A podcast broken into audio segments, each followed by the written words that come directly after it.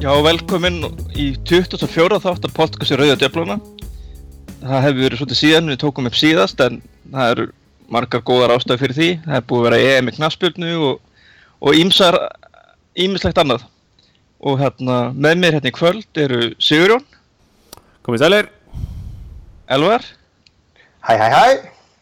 Björn, Björn Friðger Góða kvöldið. og svo vil ég hérna nota tækifæri og kynna hérna inn nýjan meðlum. Það er hann Haldur Martinsson, hóttu sæl. Já, sælblessu.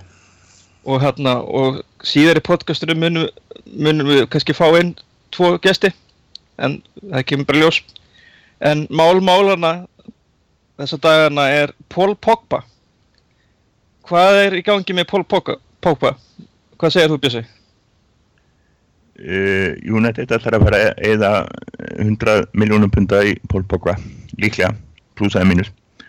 Og það hefur náttúrulega verið, verið transfersaga sumarsins, það verður að koma í ljós og kemur líklega í ljós í þessari viku jável, hvort að af þessu verður eða ekki, Juventus vill auðvitað selja fyrir sem mestan penning og, og stóra málið í þessu verist vera umbóðmaður Pogba og á skilin einhver 20% af, af transferfíinu og svo þarf að ákveða hver borgar það Juventus þetta United borgi og United þetta Juventus borgi. En uh, við erum komin á þann stað í, í, í fótboltasögunni að, að 100 miljón punta maðurinn er komin og ga, ga, gamla fólki mann eftir, man eftir miljón punta manninum sem var 1979 það eru fyrir sumum þá er það eins og í gær en, en fyrir öðrum þá er þetta 37 ár þannig að það er svo sem ekki, ekki skrítið en, en við, ég fór yfir það í grein á rauðu tjöflunum með mitt í síðustu viku að, að ef við horfum á velduna sem er í gangi hjá United þá er þessu upphæður og nú er alveg í, í flúkti við það sem var þegar, að, þegar að United eitt eitthvað mest hér í upphæfi síðast áratugar þegar að fyrst hérna Juan Sebastián Verón var kiptur sem var rísa kaup á sínum tíma sem ég veit ekki hvort allir mun eftir en hann var klárlega eitt stærsta ef ekki stærsta nannið á markanum þá uh, það fór sem fór en árið eftir var ég og Ferdinand kiptu fyrir svipaða upphæð 30 miljónir punta sem var þá aðeins um, 30% af veldu félagsins það árið og Já, við vitum hvernig það fór. Hann var, hann var burðar á sinni í vörn United í, í, í tíu ár. Þannig að það myndi engin í dag segja að þeim penningum hafi ekki verið velvarið. Uh, þessi upphæð núna, hún reyndar kemur ofan á, ofan á það. Við erum búin að eða einhverjum, einhverjum hérna 50-60 miljón punta í tvo leikmenn. Þannig að hérna hildar velta ásins verður eitthvað mikið en, en á móti kemur að, að það verður eitthvað selt og, og minnisbáminn látni fara og miljón hér og 5 miljónir hér og 10 miljónir þar, þar koma á móti. Uh, sem sagt aðlumræðin hefur verið er, er Pól Pogba þess virði og, og svarið við því er einfallega hann er þess virði sem menn vilja borga og hann er 23 ára. Hann er almennt alveg einhver besti meðumar í heimi og við höfum nú talað nú um það síðustu þrjú árin að United hefur vant að miðjumann. Við, við keftum tvoði fyrra og hvorefur þeirra síndi það sem við vildum fá. En að nú á að, að slá út stóru stóra tjekkanum og, og reyna að kaupa besta miðjumann í heimi trademark.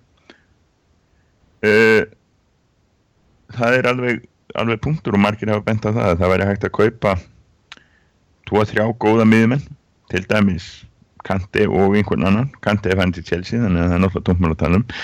En með við það við eigum náttúrulega alls konar með með þann í kring.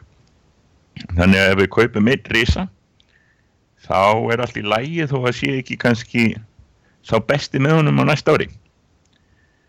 Og hérna það var nú allt og lengi hérna í að það er allt í einu öll, öll verðliðruðust þá það var kannski talað um sko 20 miljón pundar mennina og svo 30 miljón pundar mennina það er á undan 10 og 20 og þá var þessi þessi tvei level og United var alltaf aðeins svo mikið í, í næri levelnum sérstaklega á miðumannum nú á að fara beint á toppin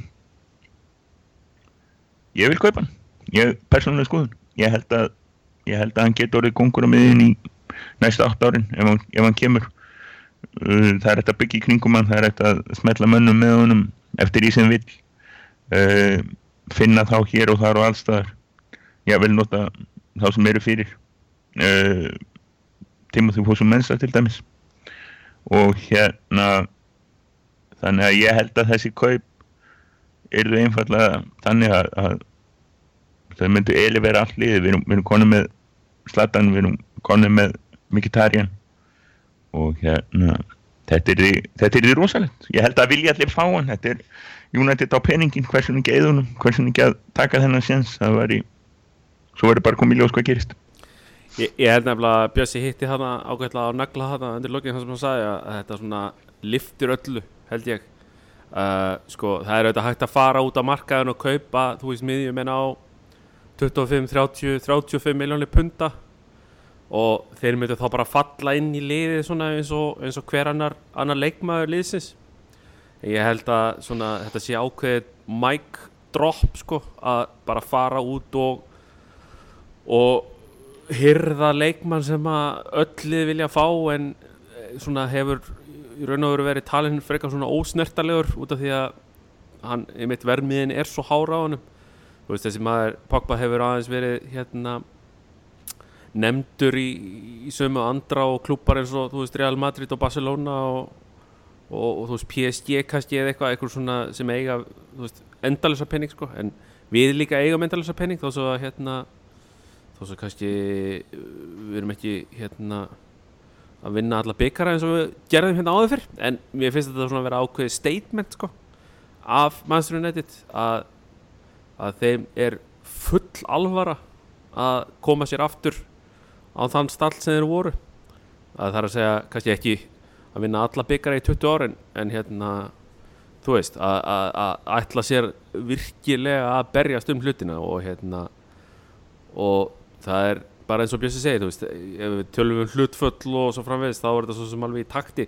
Ég hef eins og að vera að segja það, ég ásóldi erut með að kingja þessari 100 miljón punta tölu, sko. Ég, það er ekki spurning að þetta er svíverlegu peningur og hérna, en það er bara, þú veist, þetta er bara orðið þannig og hérna, við erum að hugsaðlega að fara að kaupa hérna, eins og Björnsi minnist á, myndist á líka, veist, besta mannin í sinni stöðu og það er bara þannig að þú ert að kaupa bestu mennina í sinni stöðu að þá ertu að fara að detta þú veist þessir hérna í, í hérna 70 miljóna pluss pakka sko. Það er bara það er bara þannig sko. Já þetta er svolítið búin að breytast yfir í þann pakka akkurat. Ég er svona hægt að róla að byrja að snúast yfir það með longar í pápa en í byrju þegar þessi orðum að byrju þá var það svona nei, nei, nei, ekki nei 100 miljónur hætti þessu þú vildi frekar eigða kannski ykkur 30 miljónum, við getum gift þrjá, fjóra leikmi fyrir hennar pening sem við getum þess að skipt út allir miðin okkar og við erum komið með dúndulið þar.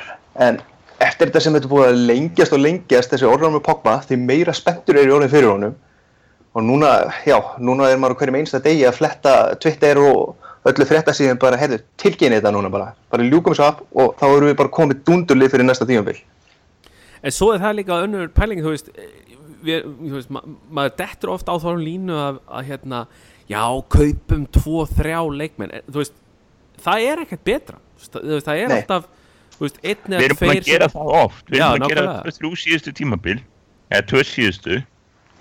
Og það er komin sko topphópur og við erum búin að reynsa rosalút eins og við hefum verið að síðustu daga hefum við náttúrulega verið að skoða saman. Svona svolítið sko þróun síðustu tvekja ára. Og reynsunin út hjá fangal sko var svakaleg og það er búið að reynsa hópin svakalega. Og núna sko við, við þurfum ekki fjóra leikmenn eins og ég segi, við erum með sko, núna erum við með úninga sem erum svona banka. Ég held að það bara, er miklu betra að kaupa eitt dýran og, og, og, og reynsa svolítið út af þessum úningum sem er ekki lengur úningar og leifa hinn um að banka. Ég, ég held að þetta er tímapunkturinn fyrir þessi kaup Já, ég held að þessu er akkur búin að samfara mig við þetta en þetta var svona tilfinningi sem ég var með í byrjun þegar við byrjum að tala um það að eigða þessum, þessum bilaða pening í Pogba þá var ég, nei, nei, nei, við þurfum ekkert að gera þetta en eftir að ég hugsa mér um þetta þá já, ok, fáum Pogba inn og hvað þá, kannski fer hérna, svænstækjar í burtu og já, kannski fella íni eða eitthvað svona sko en Þannig að já, ég vil fara að sjá bara staðfest, Pogba, keftur. En þú Haldur?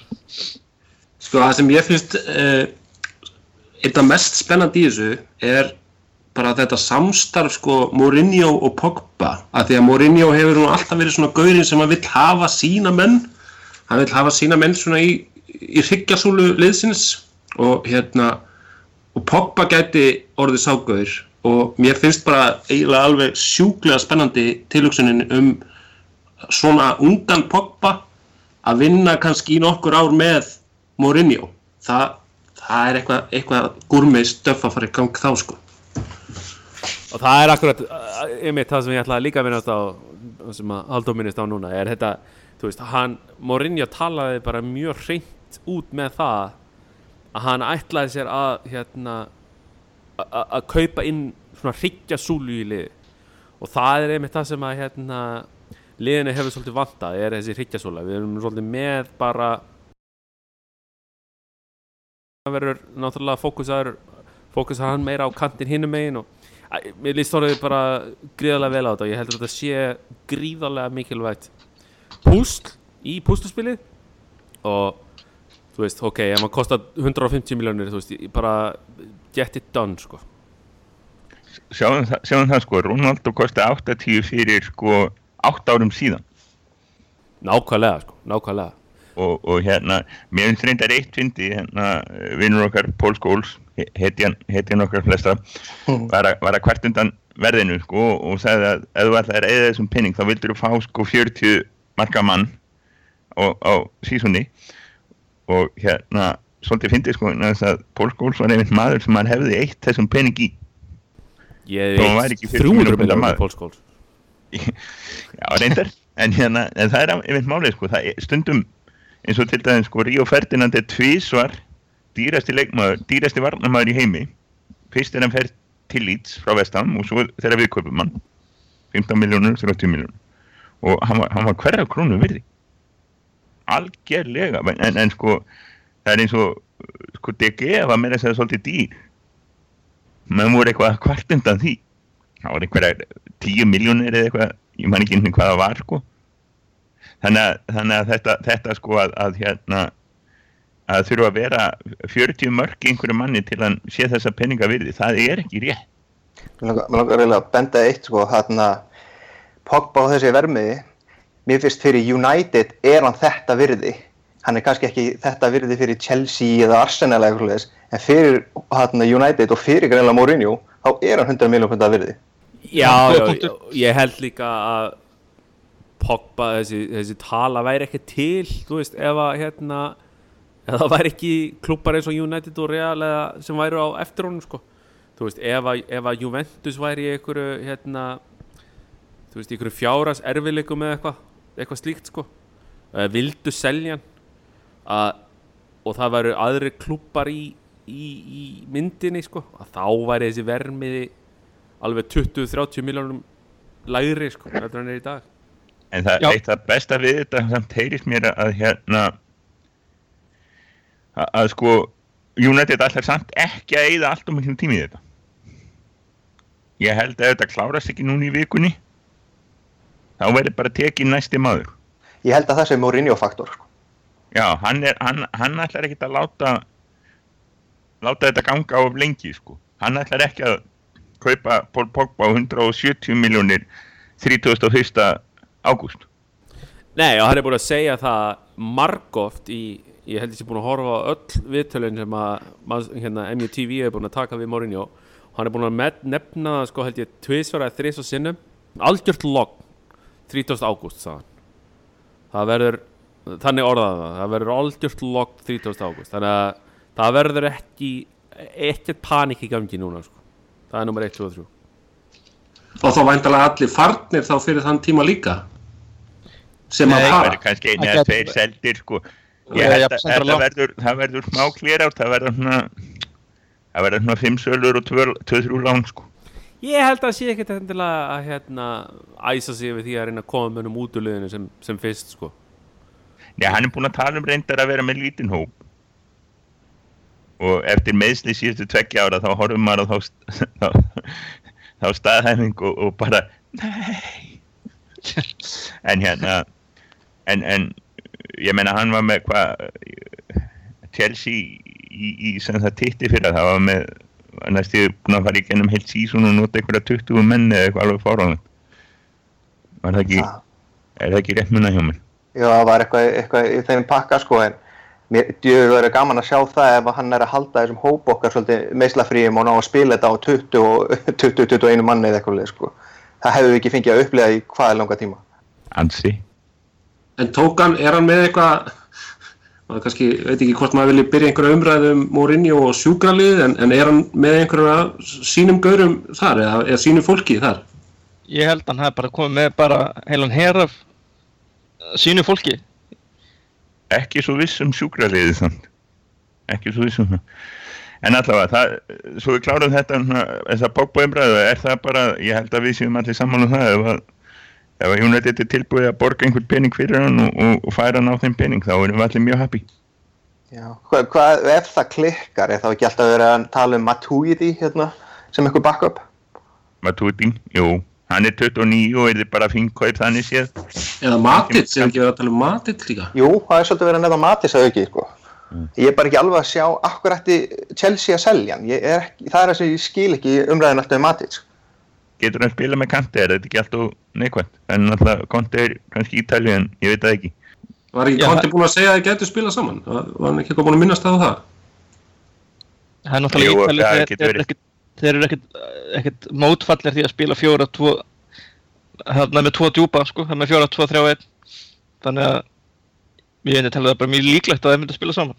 Já, mér finnst þetta bara svo skrítið þegar Chelsea vann titilin þá var Matis bara algjört býst þarna á miðinni fyrir þá. Hann var frábær. Var slagur í fyrra þarna á síðasta tímabili eins og allt Chelsea liðið. En Matis var algjört býst þarna á miðinni fyrir Chelsea. Þannig að skilja ekki okkur í ósköfunum að Chelsea ætti eitthvað að vilja selja hann. Sko. Ég finnst það samt eina er verið að við vill fara sko. Það er bara eina. Ef, að- ef að Mourinho segir kontu og hann segir ok það getur gert. En, en, en það er eitthvað sem við höfum áhyggjur af eftir þessa viku. Það eru flott mál. Það eru hérna frá því við tókum upp síðast þá hefur ímislegt gest hjá United. Hérna liðið var byggamestari hérna eftir 12 ára byggð og, og við komumst ekki í mestraldildina og hérna ef við horfum svona tilbaka á síðasta tímabil hvað svona stendur upp úr hérna Elvar? Við unnum byggar maður, það er bara málið. Við loksins unnum byggar hérna og þótt þetta tímabil hafi verið afskaflega dabur þá fannst ég, og ég var komin, ég var komin þá tilfinningu að ég bara ok, ég er hann sáttu við það að vangan fari núna. En ég vildi samt að myndi enda á góða nótum þannig að vinna FA byggarinn var alveg afskaflega, afskaflega ánægilegt að sjá kallið fara þá með eitt byggar.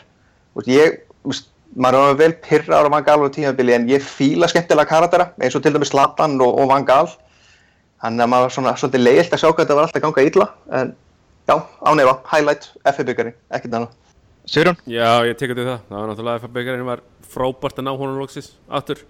Þó svo að hérna, mér fannst allur sá dagur vera svona eitthvað hálfleðilegur. Hérna, þú veist, með það hvernig að, það tvístræðist út að vangalir er reikin hvort sem er og virtist ekki vera með á nótunum um það að það væri tilfelli, þú veist.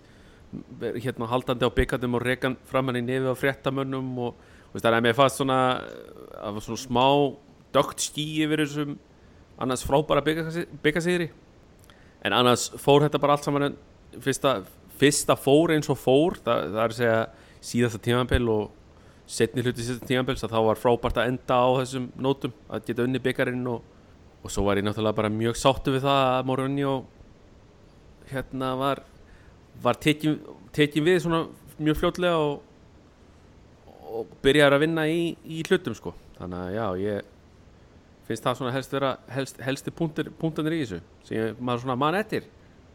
Annars er þetta svo langt En- síðan. En þú Haldur? Já, ég segi bara það sama, það er þessi titill, það var náttúrulega, maður farin að vera, vera svolítið óþrýjufullur eftir, eftir, já, býða eftir næsta titli og það var nú ekkert, ekkert, skánaði nú ekkert þegar Arsenal fór yfir United í titlasöfnum þar sko, verið komin upp í 12 titla, þá var ágætt að ná að jafna á svona strax aftur og hérna, en svo er svona já, já, ég er svona maður er sammála Sigurjónu með þetta að það svona setti smá blett á þetta, þetta þessar sögursagnir sem að reynda náttúrulega voru ekkert það kom ekkert frá United en það hefði mátt býða aðeins með það veist, leifa þeim bara njóta dagsins og svona Var það ekki, að- var ekki svona tilgátan að það að þetta var að koma frá honum umbanum hjá Móri? Jó, ég held það nefnilega, að þetta hafi komið þaðan og ég veit, veit ekki hver tilgangurinn var með því sko, hvort það var bara til þess að negla þetta þannig að þeir hefði engan séns á að bakka út, ég veit, ég veit það ekki sko, en þetta allan að, sögu sagninnar voru þannig að, að þeir hafi nú svona elda grátt silfur sama Mendes og Van Gaal í gegnum tíðina. Eða svo þetta áður fyrr varandi þú veist Falcao og, og, og fleiri að, aðra, aðra hluti. Tekea og, og Tekea, já, nákvæmlega. Og það hérna svona menn vildu meina það að þetta væri svona uh, sandkassaleikur að hálfu Mendes að, að leka þessum fréttum daginn sem að byggarinn byggarleikurinn var spilaður og þar að leiðandi eðalegja hérna svolítið fyrir Van Gaal sko Þetta var alveg hrikalega ekki. sko. en mér finnst að ef það reynist ef það er hið rétta þá finnst mér það alveg glata sko já, sammála því. samt svolítið fyndi sko þegar Mourinho kom þá voru bara allir, úst, þetta verður Mendes sumari og núna situr mín og ræði óla og, og telur peninga og hlæðir Voru bæta við fjórum snekkjum Nei, þetta var, þetta var náttúrulega, þetta var svartur blettur á, á, á, á deginum svolítið og, og, og hérna frekar leiðinett, en þetta var náttúrulega eins og Haldur er búin að tala um jafna byggara fjölda Arsenal aftur sko, byggarinn, hann hefur alltaf verið svolítið United thing sérstaklega fyrir okkur sem að lifðum á því á, hérna 8. og 9. áratugnum að, að sjá alltaf reglulega byggar sem sárabót fyrir allt hitt og, og þó þetta séu að þið því miður ekki eins mikilvægur mikilvæg dolla og hún, hún var þá er þetta úr að ljúta að horfa á þetta núna og rifja þetta aðeins upp og horfa á, horfa á hampa, hampa þessu og, og we'll always have the FA Cup Það er hrikalega gaman að vinna FA Cupin sko. Það er það, það er það bara. Hins vegar hérna, hvað var þar síðasta vetur, maður er búin að reyna að gleyma þessu, þetta var ægilegt streð og, og og af því að við eitum ja, því sem verður líklega eitthvað 50 miljónum í, í Ant- Anthony Martial þá var hverri, hverri einasta pundi þar vel varið og öllum þeim bónusum sem að þar fara út. Og hversu miklu getur einu ári breytt við horfum á þessar 50 miljónir og já, ok já, ok, það er ekkert svo mikil peningur. Og hérna verið að segja sko, þegar við vorum að tala niður í þessar 36 sem þetta var án, án bónusa og fannst það samt alveg nóg þá, þá var bara 36, en það er bara kjara kaup. Þess að verðbólgan er verið slík að, hérna að núna fer Riyad Mahrez á 42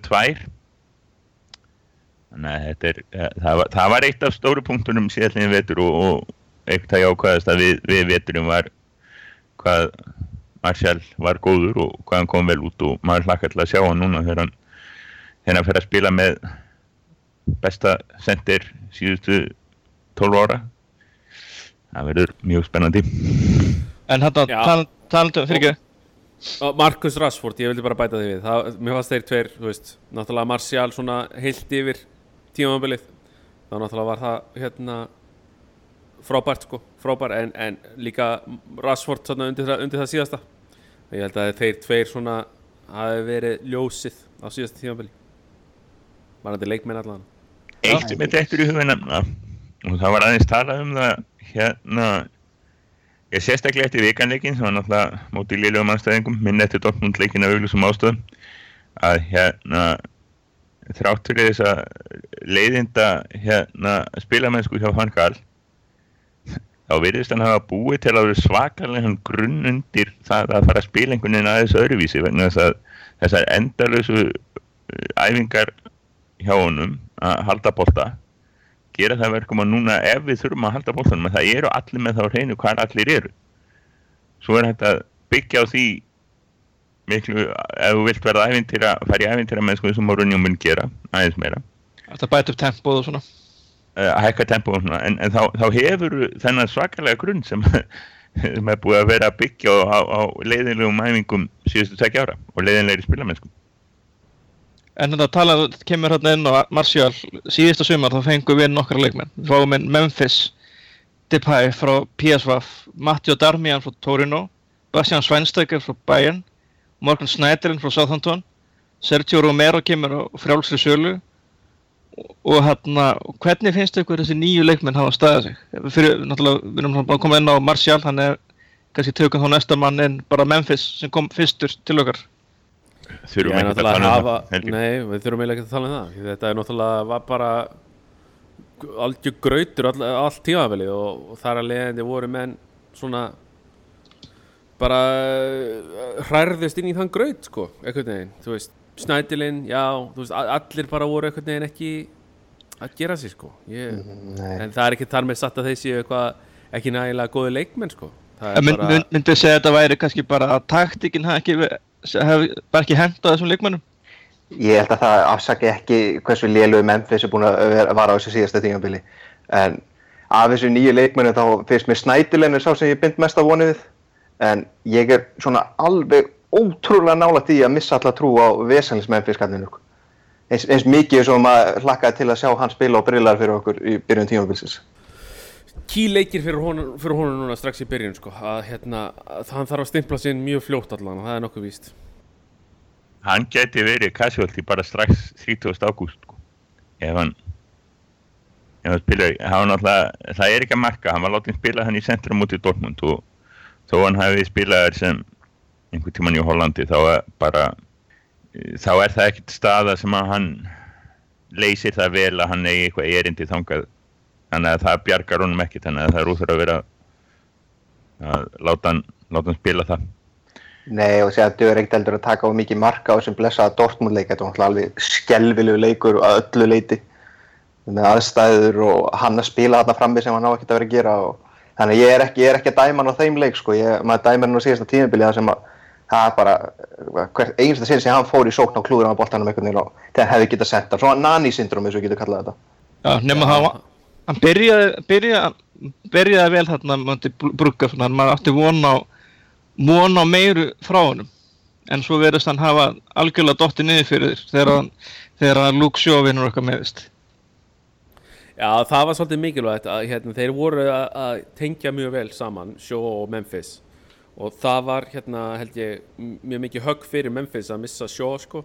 En svo held ég líka sko að Memphis kemur inn sko á, fyrir síðast tímabil og á að verða svona hérna, hann er svona, hvað sé ég, stærsta stjarnan eiginlega.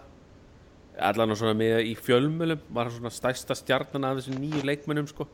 Og átt að vera hérna taka svolítið við keflunu og vera okkar drift fjöður sko og svo dettur hann inn í leikkerfi það sem að er veist, ekki drift skaft bara nokkur skaft, það er bara vera að fríspóla eitthvað sko. Og hérna þannig að eh, ég held að það hefur svona allt saman fallið svolítið eins og spilaborg hjá honum sko í kjölfarið. En ég ég er svo sem ekkert búin að afskrifa neitt en hérna en ég held að hann verði að að hísja upp þessi buksundar svolítið og stimpla sér svolítið rækjulega inn á fyrstu ég ætla nú rétt að vona að hann feri að vera ekki seldur eða eitthvað fyrir, fyrir tímabilið en hérna, ég vona allan að hann fái fram á jólum til þess að til þess að sína hvað í sér byrð sko. er, en ef, hann er að spila á sama leveli fram á jólum þá fer ég að hafa svolítið mikla áhyggjur af þessum af drengnum sko ég er að- Ég er alveg sammálað þessu. Ég held að er þetta verði gríðarlega mikilvægt tímabil fyrir bæði hérna, Snædilinn og Memphis. Því að þeir eru ekki að fara að spila vel, já, segjum til, til janúar eitthvað þá get ég alveg sé móra fyrir mig bara, já, því með ég bara fara og finna einhvern annan klúb. Er alveg snætilinn samt ekki fyrir ekki, er, er, Ja. hérna, er, er snætilinn samt ekki kannski svona meiri asset fyrir hópin heldur en til dæmis Svænstekar myndu við ekki frekar láta Svænstekar rúla Það er verið að tala um það að er bara hreinlega verið látið rúla núna. Það reyndar, sko, kostar okkur heilmikið, hann er á svo háum launum. En hérna, eh, sko, Snædilinn var uh, í fyrra, hann var inn og út um gluggan og fekk reglulega að fara í fristin og það var algjört vesinn. Það var þetta, sko, náttúrulega endalust að ringla á leikmönnum. Og hérna, það fyrir alveg eftir í, hann er e- ef við horfum á miðjuna segjum að Pogba komi og ekki, ekki fleiri ef við horfum á miðjuna er það ekki snædilinn sem ætti að ef við spilum 4-2-3-1 með Pogba þannig er það ekki helst snædilinn sem geti spila með Pogba og, og þyrfti þá að leggja aðeins tilbaka Þannig hefur við séð það fyrir mér, já. já.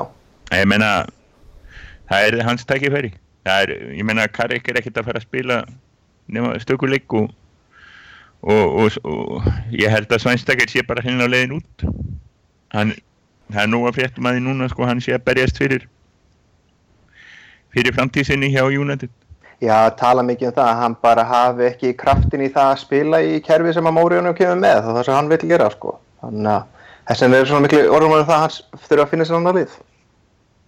ég meina það þarf kraft í þetta kerfi þannig að og meðslasagan er ekki að hjálpa Nei, ég, hérna, fyrir mitt lítið verð að ég fannst, hérna, snædilinn ekkert það slæmur á síðust nýbili.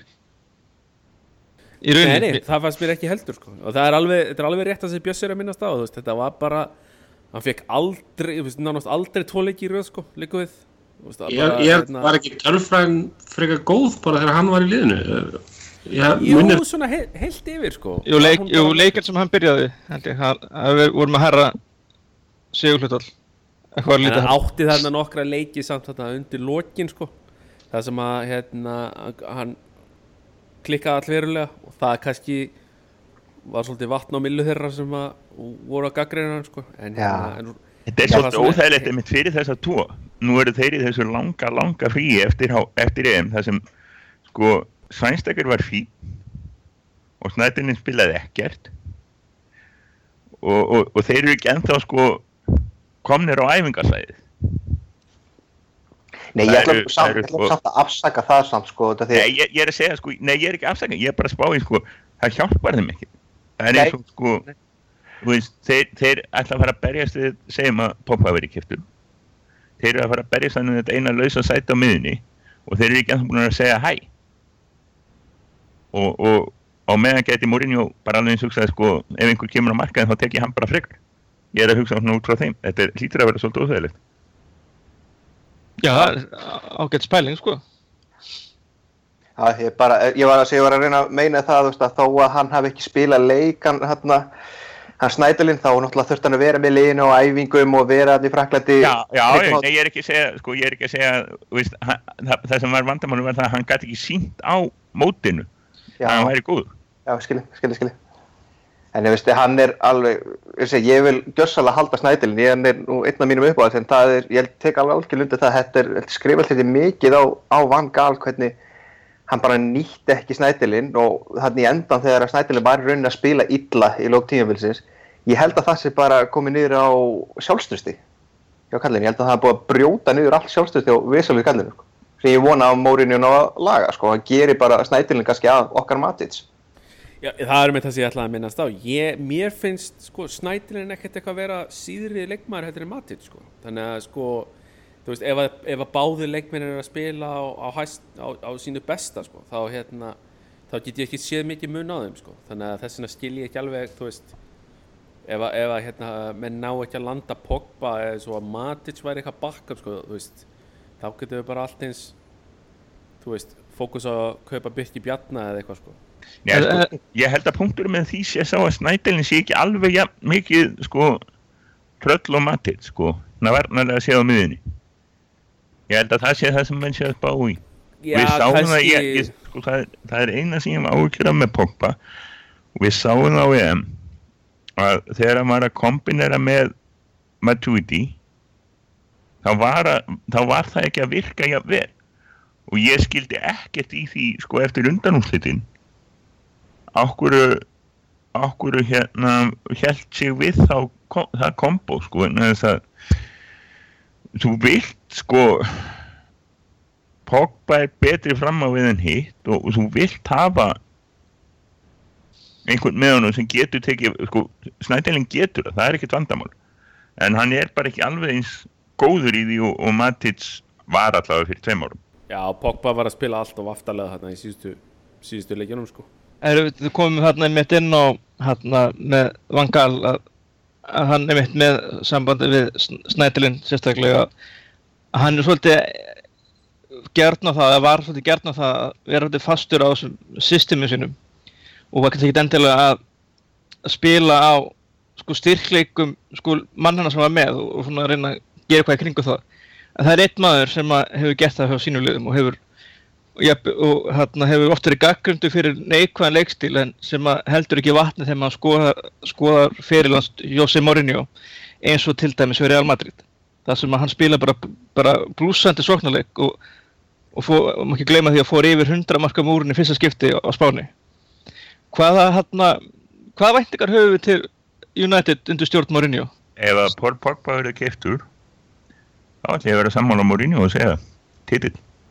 Já, ég tek undir það. það. er- Ef að Pogba kemur þá fer ég, ef er ég með þar væntingar þá ættu að geta tekið titilin. Ef maður læri líka kannski að halda meðslum niður í, eins og maður vonar líka til.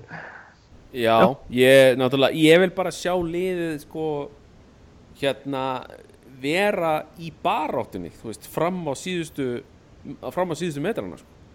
þú veist, hvort að við endum á því að taka titilin eða ekki, þú veist, ég vil bara sjá liðið allan að vera í sjens sko. Það er svona, það helsta sem Ég, ég held að það sé sama það sem maður meina þegar maður segir titill sko. Og veist, það er engin, ef við erum í baráttunni svona fram á Þú ert að tala um að lifta helviti stollinni, Björn. Ég er ekki að Nei, það er bara basically það sama. Væntingarnir eru þar og, og veist, það kvartar engin ægilega ef það klikkar á einhverjum loka metrum út af einhverju smáadriðum eða eitthvað. Ég held samt að sem að, ég held að sem eru allir samanlega það að við viljum fara að sjá United spila eins og United. Og ég held að við höfum fengið hárréttan stjóra til þess að breyta liðinu aftur í gamla góða United. Ég held með Martial hérna vinstara megin og Mikið Terrian hérna hægra megin og hvort það verið Mata eða Rooney hérna að spila sér tíu og Slatan fremst og Pogba fyrir aftan þá við eigum að geta spilað vel eins og gamla góða United og bara hamra lið sko. Og líka Já, það sem, að, sem að Mourinho hefur uh, gert eins og með Chelsea liðin og, og náttúrulega Milan og Real Madrid að hann sko hann er mjög góður í því að pumpa upp svona byggarstemningu í liði. Og það er svolítið öðru í seldur svona deildarstemning sko. Að þú veist Chelsea liðin hjá Mourinho voru alltaf góð í byggarnum og það er svona eitthvað sem maður verður til að sjá líka að koma með hjá United. Það er til dæmis það sem maður hefur hálfpartinn saknað síðustu ára og það var eiginlega aldrei líklegt. Þú veist, það var, var eiginlega aldrei mjög líklegt til þess að vinna til dæmis uh, FA Cup síðustu ár. Og eins, þú veist, Evrópudildin það hefur bara verið eitthvað grín. Þannig að þú veist, að fá upp svona stemningu í, veist, í þá áttina, vera í sko, vera komið í út, útsláta keppni og vera bara með uh, stemningu í að fara áfram í svoleiðis keppnum, það er eitthvað sem ég held að Mourinho sé góður í og ég vil sjá það hjá United. Þarna nefnilega hittir á mjög góðan punkt sem að er hérna svona þegar að er verið að tala um hérna að Mourinho sé varnarsinnaður og þetta bla bla bla bla bla sem að ég hef alltaf sagt að það er bara komment frá Liverpoolmunum en það er annars það. En það er hérna sko þegar að hann kemur þegar að Jose Mourinho kemur inn í 50-50 leiki eins og Haldur er að minnast á svona byggaleiki sem að geta dotti bara 90 mínútur geta dotti hvernig sem er. Og það eru líka náttúrulega svoleiðis leikir eru leikir við hérna svona stærri liðin í deildinni. Til dæmis svo bara til dæmis Liverpool leikirnir og þetta leikirnir sem geta dotti hvernig sem er. Að þar fer hann 100% yfir í taktík. Hvaða taktík virkar til þess að sigra leikin og, og hann er með gríðalega gott rekord í svoleiðis leikjum og ef það þýðir að parkera rútunni í veist 85 mínútur og skora sig að marka á loka mínúturum og vinna leikin 1-0 þá bara, þá gerur hann það. Það er bara það sem þarf að gera. Og það er það sem hefur farið svolítið mikið taugarnar á anstæðingum Mourinho er að þannig stundum nálgast hann slíka leiki. Síðan þegar hann dettur í leiki gegn kannski minnilegum sem eiga ekki sem eiga ekki að vera hérna jafn sterk og, og, og þau lið sem hann er að þjálfa að þá spilar hann oft miklu meiri sóknabóta heldur en, heldur en menn vilja gefa hann kredit fyrir. Þannig að ég held að þetta sé alveg rétt hjá Haldur að hann er með hann er svona gríðalega góður í að mótiveita hérna, mótiveita menn og þar að leiðandi er ég mjög spenntur fyrir því þessu, fyrir að sjá hann veist, hvernig hann höndlar þessa starri leiki og hérna og ég hef engar áhugjur af því að, að við séum að fara að spila hérna þú veist, gegn minnileðunum á þessu tíðanbili í einhverju bullandi basli sko. Eða þú veist, á svona. Eins og síðast tíðanbili nákvæmlega. Ég held að verði meira kert á þessi minnilið sko. Það er okkur þannig að ég meina að það var það sem United gerði þú veist, ég sérstaklega seinna áriðin hjá Ferguson að hérna það var ekkert spilaður glimrandi fótbolta múti toppliðunum það var bara leikni, leikin unni og svo var þetta slátur á neðri liðunum það, það, er, það hefur alltaf verið þannig í- alltaf og alla tíð að hérna það er gott að vinna liðin sem ert í baráttu við en það er ekki nöðsynlegt er hins vegar alveg nöðsynlegt að slátra öllum liðri liðum hvort sem það er á Englandi eða á Spáni eða hvað það nú er. Hvað það eru mörg lið með þér í baráttunni það skiptir ekki öllum máli. En ef þú slátrar ekki öllum liðum sko átt á og neðar þá verður ekki mestari Ég meina ef við hefðum gert það á síðasta tíðanbili þá væri við í mistardildinni núna. Við töpum alveg gríðalega mikið að stegum gegn liðum í neðri hluta dildarinnar. Hefðum Axel geta bara unni dildina held ég. Já, grunni. Já, ég meina, það, það var einmitt máli og hérna sagt, og ef að já, við þetta er svona maður er rosa bjart sín og, og, og, og það er gaman að því en, en hérna, það er svona smá eh, wake up call samt að- kíkja sínina hjá okkur í fyrra haust og og hausti þar áður og, og, og jafnvel Móis Bjartsinni var kannski aðeins hérna, hérna gegnum maður var svona með saman byrna tönnunar og sagði að þetta er alveg flott hjá honum og ég tröst honum alveg. En, en, en samt sko eins og ég fyrra þegar við heldum að, að fann ekki almyndi ná að fara að spila aðeins betri fótbolta og svona. Ef maður tógar alltaf í eitthvað, eitthvað smá eins og við, við vorum svo spenntið fyrir Van Gaal þegar hann tók hérna hvað var það Liverpool City og hvað var það Tottenham með eitthvað slúðis í röð? Jú, jú, jú. og, og þá var maður bara þetta er United liðið okkar, þetta er það sem við söknuðum sem töfum ekki að Chelsea og allt fyrir rusl. Já, já, sko, það var á fyrsta tímabæri hjá Van Gaal, það var nú alltaf svona smá stígandi í spilamennskunni. Það var nefnilega það sem að rugglaði mann sá í rýminu, sko, vegna þess að, þú veist, hérna, kannski byrja, það var svona upp og niður, en undir lokin á fyrsta tímabælinans, þá var þetta svona, virtist þetta að vera að smetla saman og, manni fannst þetta svona að vera bara, maður var, gerði mann spenntan fyrir næsta tímabæl, svo bara mættu menn bara ekki til leiks. Nei, það var, Mættir, sko. það var nefnilega leitaðin út, þá kom þessi sv- svakalega flotta rispa og hérna, og við með sátum saman og horfðum hérna á, á þá hérna pakka saman sitt í en svo bara eins og menn var að reyna bara reyna svo gæti til að losna við þetta Champions League seti, það er bara þegar Liverpool voru svo afskaplega lélegir að, að við náðum einhvern veginn að hanga í setur Já, En- en þetta, en sko, við verðum nú samt að hérna, gefa okkur það að Mourinho er nú svona að töluverum harri klassa þjálfara heldur en það sem við höfum haft hingað til, sko. Þú veist, við erum komið með, eins og við höfum talað um í fyrir podcastum að, að Mourinho er heimsklassa þjálfari og ég meina Van Gaal er svo sem heimsklassa þjálfari líka en ég myndi segja hann að kannski verið heimsklassa þjálfari fyrir 10 ára síðan sko. Já, jafnir 15 það er fyrir 15 sko. Að hérna, 1999 þegar hann var að þjálfa Barcelona þá voru þeir þá var hann alveg top of the game sko. Var- Ajax- Ajax- hann, hann, líka, hann líka klikkaði stundum. Mourinho hefur þanga, þetta Chelsea dæmi síðasta hjá Mourinho stórfyrðulegt alveg en hann hefur annars alltaf deliverað. Og hérna alveg.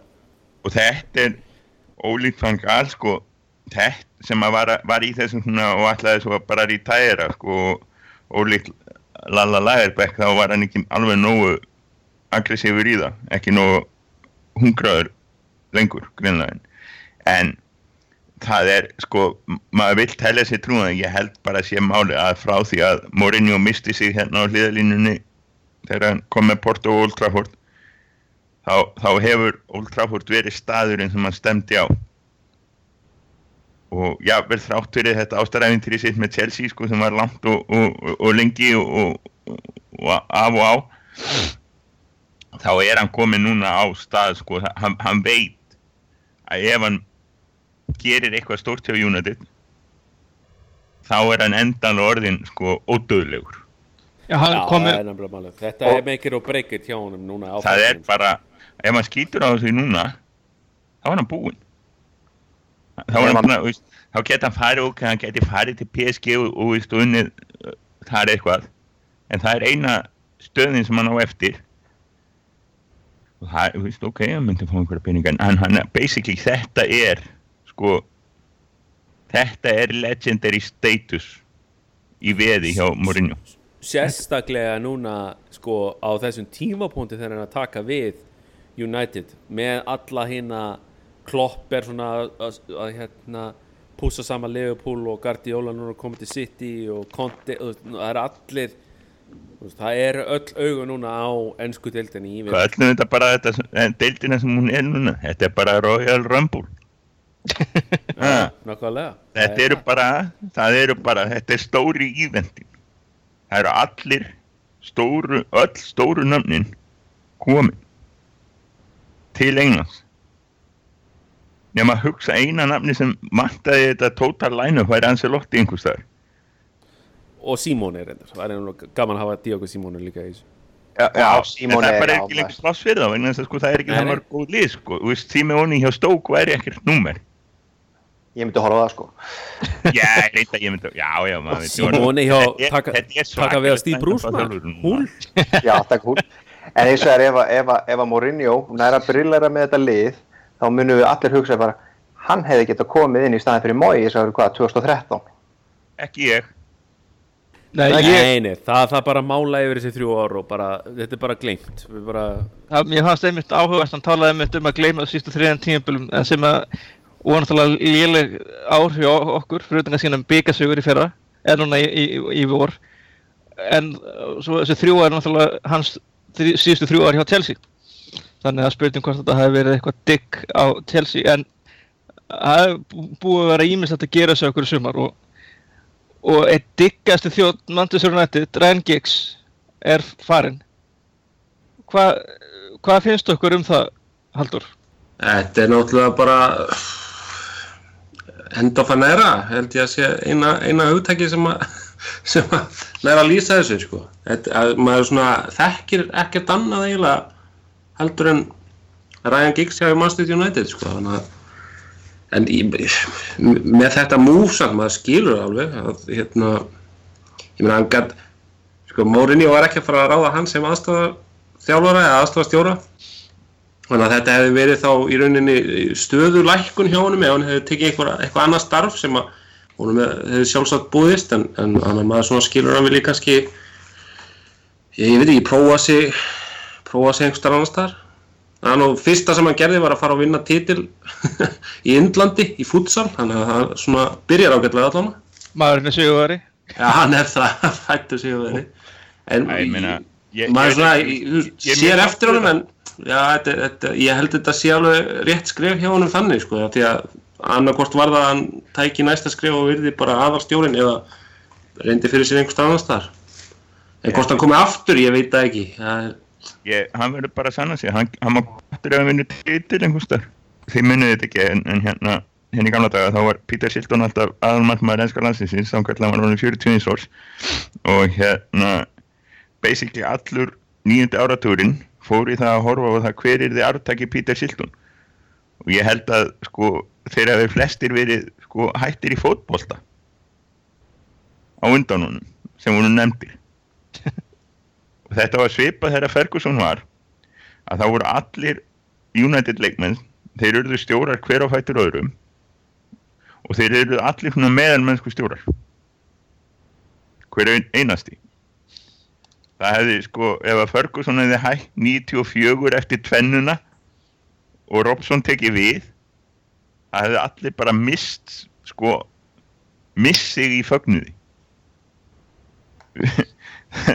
ég, ég held að við viljum ekki hugsa um það hvernig það hefði allt farið sko. Nei, Nei, það hérna Þannig að þetta að, að hérna, það er öðruvísi þannig í, á spáni þar sem hún getur tekið sko bjöliðið sem er alvöru fótboltæli það er sko alvöru fótboltæli með alvöru hóp með sér þjálfun al, aðskilið frá hinnu og í alvöru keppni. Og í alvöru deild sko í, í, í annari deild og hérna með alvöru pressu og, og allt alvöru sko. Og, og þó þú vinnir ekki, það er ekki endilega alveg tilallunin alltaf því þú getur ekki farið upp og svona. En það er, það er allt öðruvísi undirbúningur heldur en vera dúkla sér sem, sem aðstofa þjálfur eða eitthvað.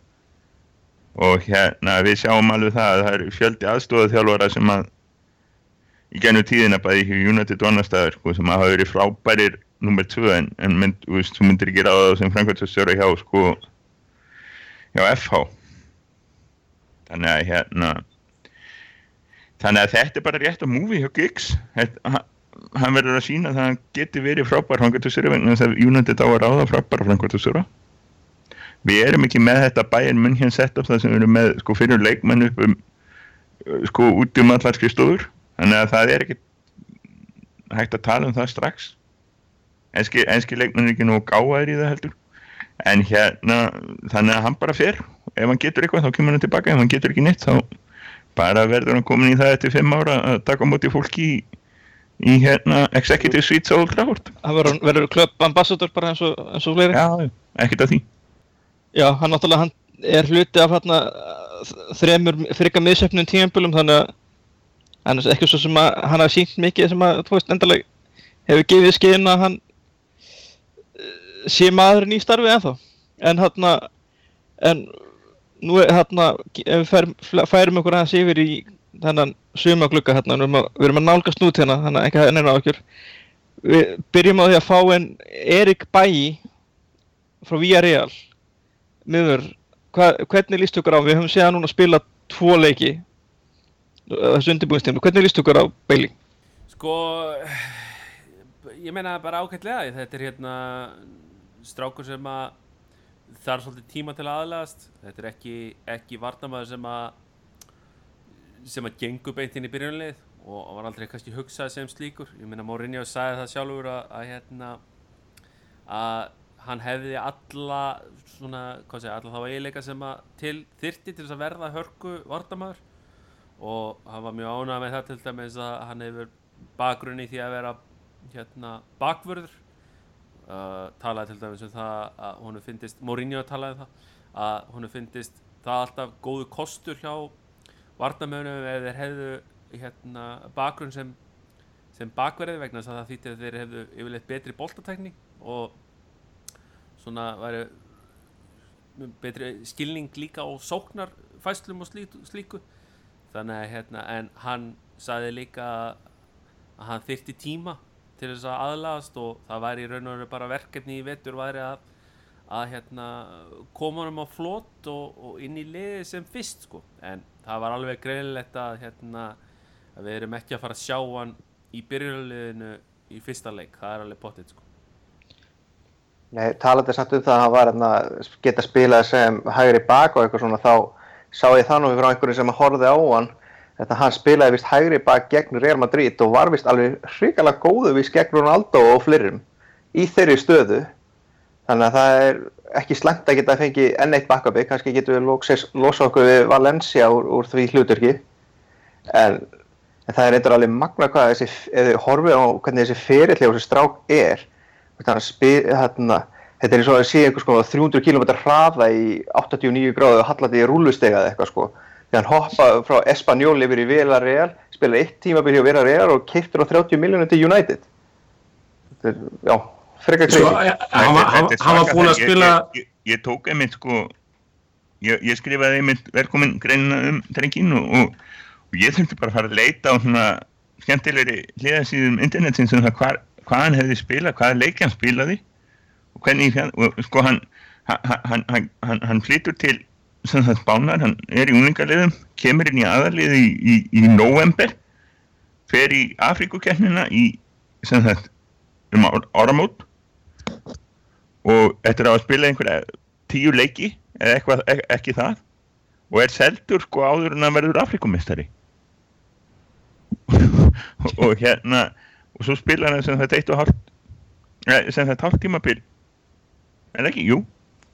Eitt og hálft og, og hérna og er orðin sko 30 miljón pundar maður.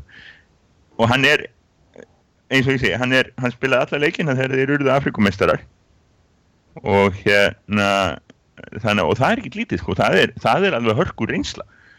Þannig að ég held að hérna, við getum verið sko vel ánæðið með það. Og, og ég er ekki tissað þó að nýrði sko með það úrval sem við erum með henni í, í hafsendinum.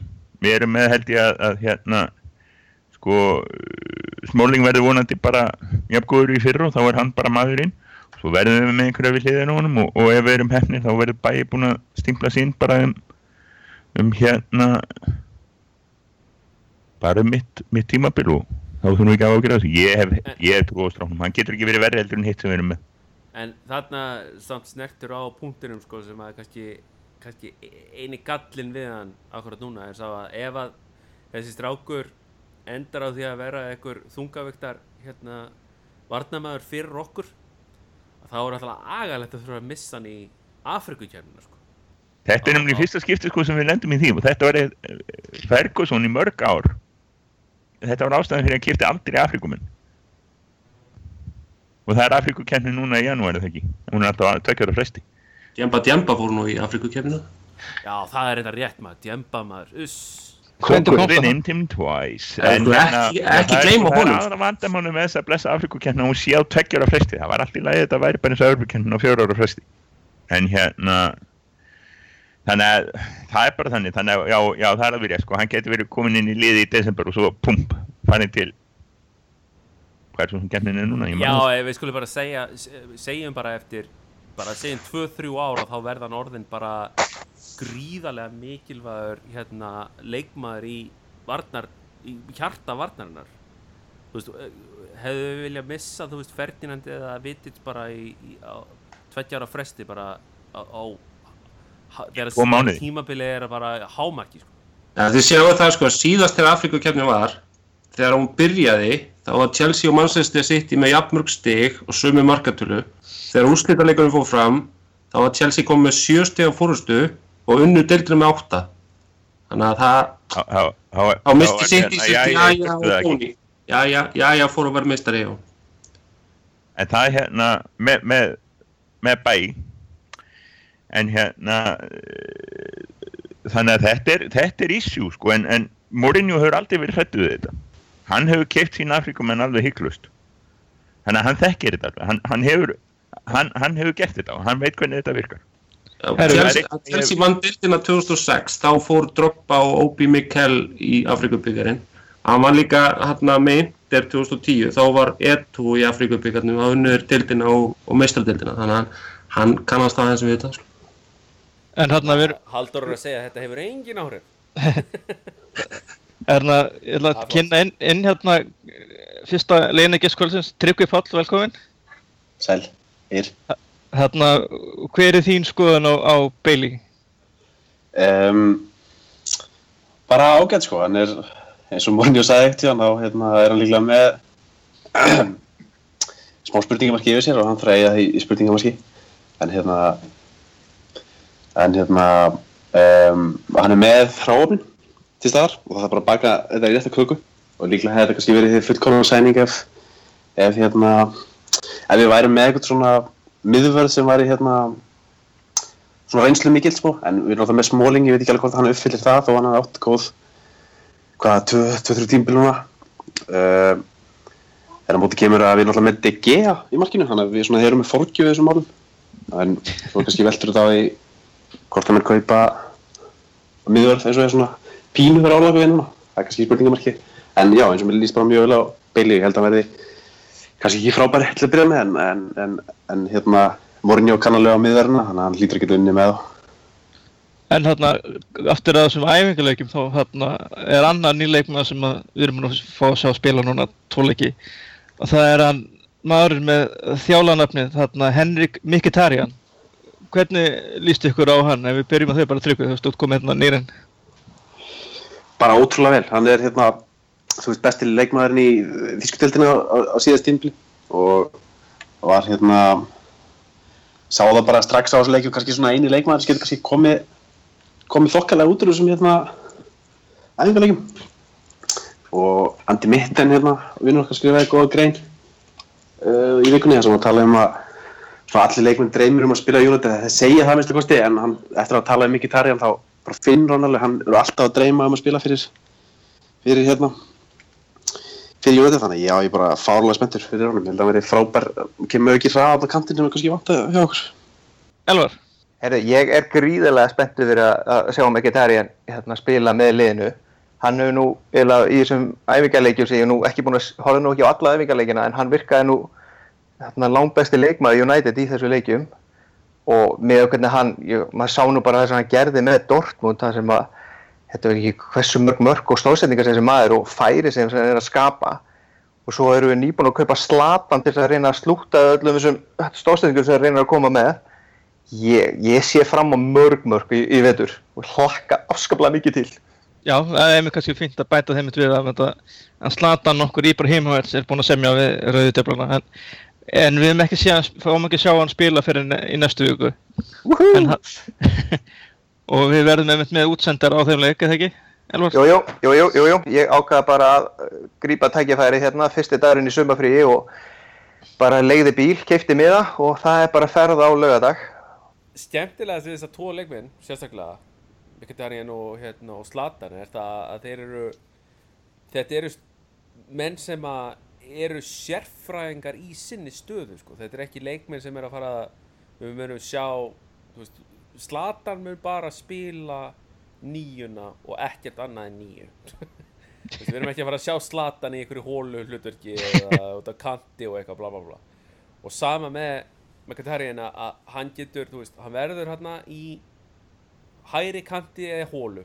Það er bara that's it. Og það er það sem að Mourinho hefur líka hérna talað um að hann hérna hann vil frekar þessa sérfræðinga eins og hann kallar það menn sem eru sérfræðingar í mjög afmörkuðu svæði á vellinu og er kannski minna fyrir þessa hérna svona allhliða leikmenn sem geta, getur kasta hinga og þanga þó svo að hann hefði reyndar sagt að það veri alltaf gott að hafa einn eða tvo svoleiðis leikmenn og hérna en, en, Daily, en Daily Blind hefur anda lettar en heyrða það? já, eflaust, því að Daily Blind er að fara að vera áfram og eftir framistöðuna uh, gegn Dortmund þá er og, og þessi meðlum sérfræðinga þá er Rokko að fara. Alveg klálega það er búin að vera alveg skelvilegu greiði sko. Já, talandi um þetta þarna, um, um, um, eins og um Bein, finnst hann fínn á mútið Dortmund. Hann er hann- nokkuð sem að bjarga honum hérna, Róhó þegar hérna rennur á raskatu, ég veit ekki hvað. Já, þessi, ég var ágætlega hrifin í þessum, í þessum æfingarleikjum sko. hann virkaði bara ferskur og, og, og hraður Já, og sprækur og allt þetta en ég bara sko, ég, nú er ég bara eh, kannski með eitthvað gleimskörflis ég var ekki Róhó bara, eða Róhó hérna nokkuð góður í byrjun. Bara hvað kom fyrir mannin, hann er alveg skelvilegur það er- það er góð spurning. Ég hérna, mér, mann finnst eitthvað með svona sé búin að sé orðinu að svo þungur bara, veist ekki endilega kannski feitur en kannski bara hérna, að lifta mikið, ég veit það ekki en hann verið eitthvað með ekki alveg vera með á nótunum vantar, virðist- vantar snerp í hann og svona. Já, það er bara eitthvað virkilega klikkað í kollinu hann hann er, ég, vil bara sjá hann fara hann er búin að vera þetta slæmur. Og finnst frekar ljótt að segja það að vilja einhvern vardamann United fara það er ofta segjum við nú ekki eftir á því. En, en hann er bara þetta slæmur þess dagana sko. Já, hann, hann er, hans vandi er sá að hann er, þú veist, hann er eins og staðan er þetta, ætla sé ekki þriði, kannski fjórði besti miðurinn okkar og, og eitthvað svipað þegar kemur að vinstri bakverði. Ó, vinstri bakur, nú erum við komið með sjó tilbaka. Nú sem var besti leikmaður United áður en hann mittist Það, maður það er oft gett grín af hérna, vengar þegar hann tala um það að leikmenn komið meðslum að sé eins og nýtt sæning, en ég meina, er ekki að fá sjó aftur, strákar, er það ekki bara nýtt sæning? Algjörlega, algjörlega, það er svo að hann var langt besti leikmaður United í byrjun tímabilsins, þá gæti hann uh, fótbrotnaði svona hrikaleila og segi, það, eftir það var United bara í langan tíma að, í bort að þetta brotaði haft svona mikil áhrif á þá, ég veit það nú ekki, en, en okkur vantaði hellingan að minnstæmi, hann virkaði vel með Memphis, Memphis var bara alveg skelvelur eftir þetta. Já, hann var bara í ástósorg þegar var náttúrulega með, með svakalasta brómans sem ég séð hjá United bara í mörg ár.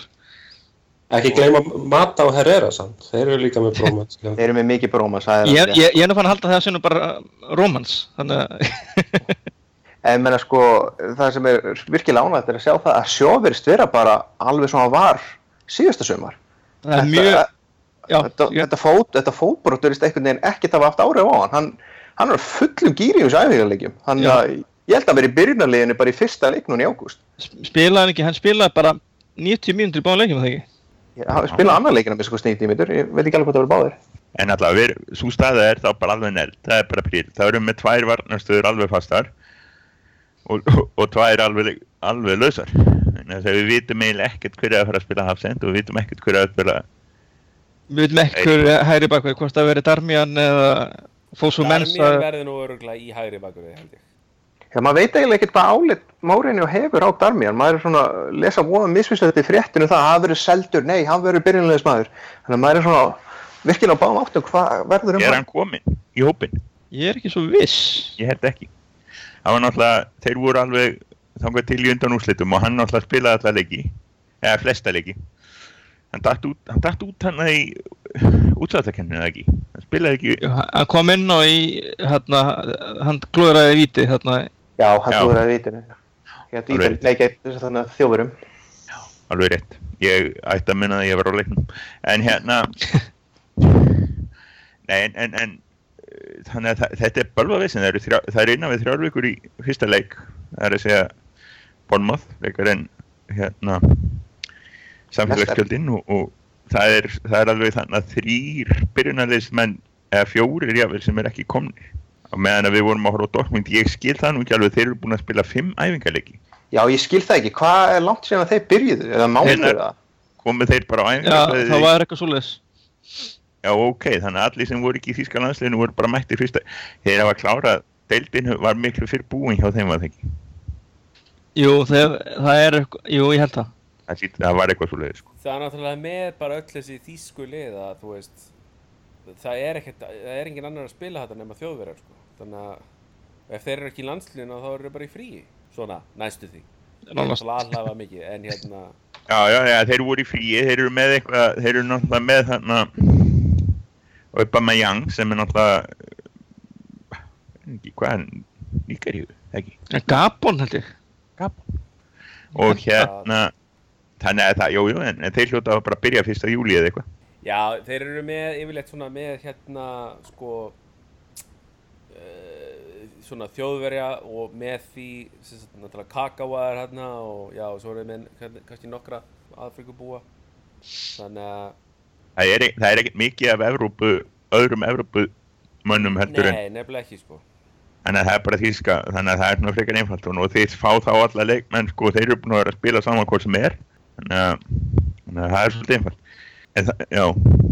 En, en þetta er, já, já þessir æfingarleikir svo er spurning og nú síðustu frétti frá Beijing voru þær að það var í sama hellirikningin og var á föstudaginn þannig að og á að vera fram á já það komið miðnætt í, í Beijing og, og á að vera fram á morgun daginn leikurinn er hálf tólf að íslenskum tíma að ég held.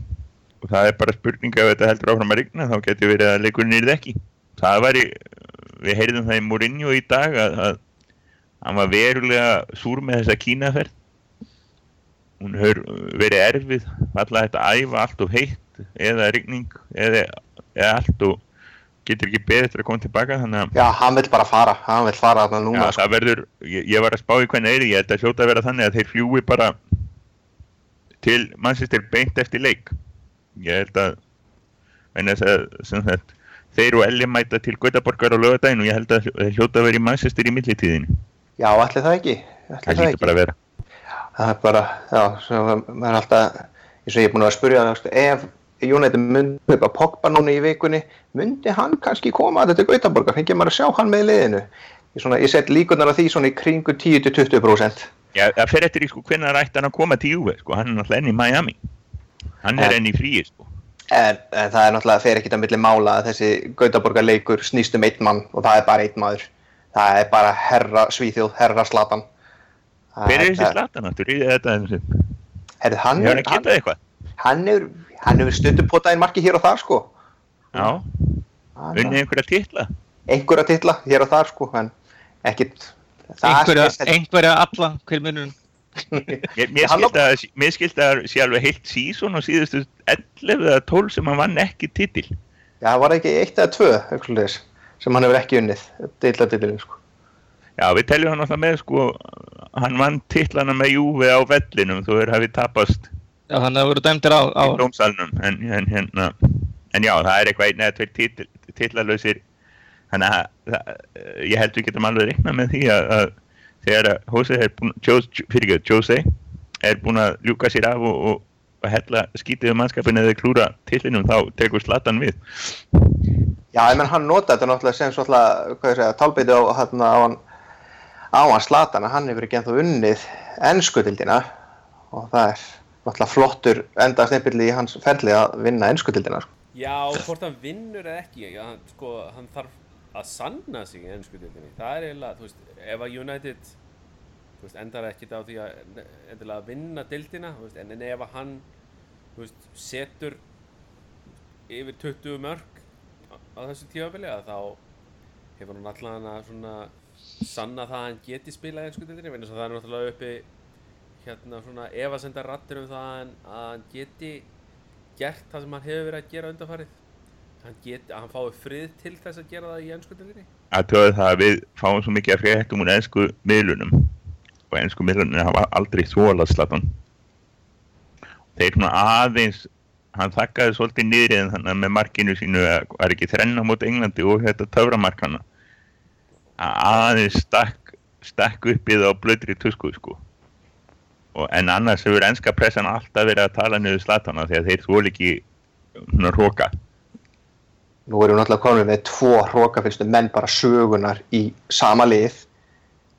Já, já. í, í United sem er, hróka hérna sem er basically anstæðingar örgulega kalla okkur hrókafyrsta lið er hrókafyrsta klúpsögunar Já, Þetta, þetta er þvílík kombo, þetta er þvílík kombo sko.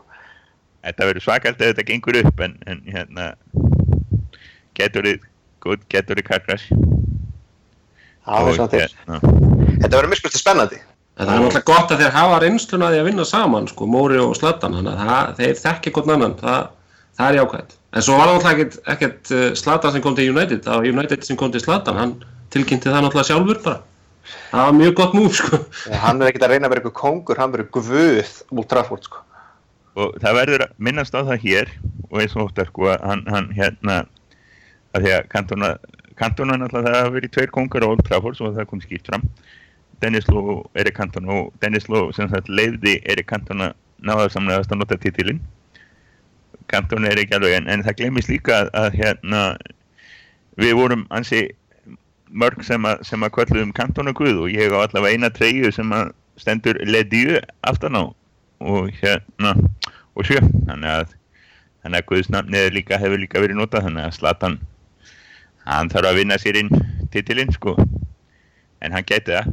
Það er allan að skora mörg Ég er bara, ef hann skora mörg þá er ég rosalagnar það er eina sem hann þarf að gera Já, ég held hann er með, ekki með, að byggja spil og vera flottur hann er þannig til að raðinn mörgum Nei, maður sá, hann var, svolítið settur í það ég- með, með Svíþjóð EM að, að droppa niður djúft og reyna að gera eitthvað nema að það var algjörlega fárulegt að því að það liði í kringum og var alveg skellulegt En hvað segir þú Elvar? ég ætla að segja sko með, með Marshall að vinstra megin, mikið Terrian hægra megin og svo, hvað, líklega Rúni eða, eða Mata fyrir aftan, hann er að fara að skora mörg með, með þessa gæja til að pota inn á hann með boltan sko. Þetta er óneittalega spennandi Það er málið, það er akkurat svolítið eiginlega kjarnir í öllu þessu sem við erum að tala um. Við erum búin að gera þessi kaup, við erum búin að fá Mourinho. Næsta tímabil verður spennandi. Eins leiðilegt og ég held að þú veist hlustendur ekki áttis á því hvað var erfitt að gera leikskíslur á síðasta tímabili stundum. Það var, Það var skelvilega erfitt og þetta var svo daburt að mörgu leiti og maður var að reyna, virkilega reyna að vera pollyana og reyna að finna jákvæða hluti til þess að tala um. Þess að já þetta gekk vel og þetta gekk vel en það var alveg skelvilega erfitt. En bæði þessi kaup og að fá Mourinho og vonir það að við sem bara spila svo gamla góða United, það er að gera mig alveg skuggalega spenntan og ef að Pogba bætist vona þetta, þá, þá er ég bara að fara að skála við ykkur um leið og að þau hefur verið staðferð sko. Ég held ég snúi ekki tilbaka frá Gautaborg. En er þetta ekki bara fýtt staðum til að eh, setja endapunktin í kvöld? Þarna við náttúrulega kannski reynum að gera eitthvað núna, eitthvað, eitthvað flottan uppbytunar pistol og ég veit ekki, kannski taka okkur upp fyrir hérna rétt á hann tímabili hefst en, en hérna bara ef við ekki segja þetta gott í kvöld, trakkar. Takk fyrir. Takk fyrir kvöld. Takk fyrir.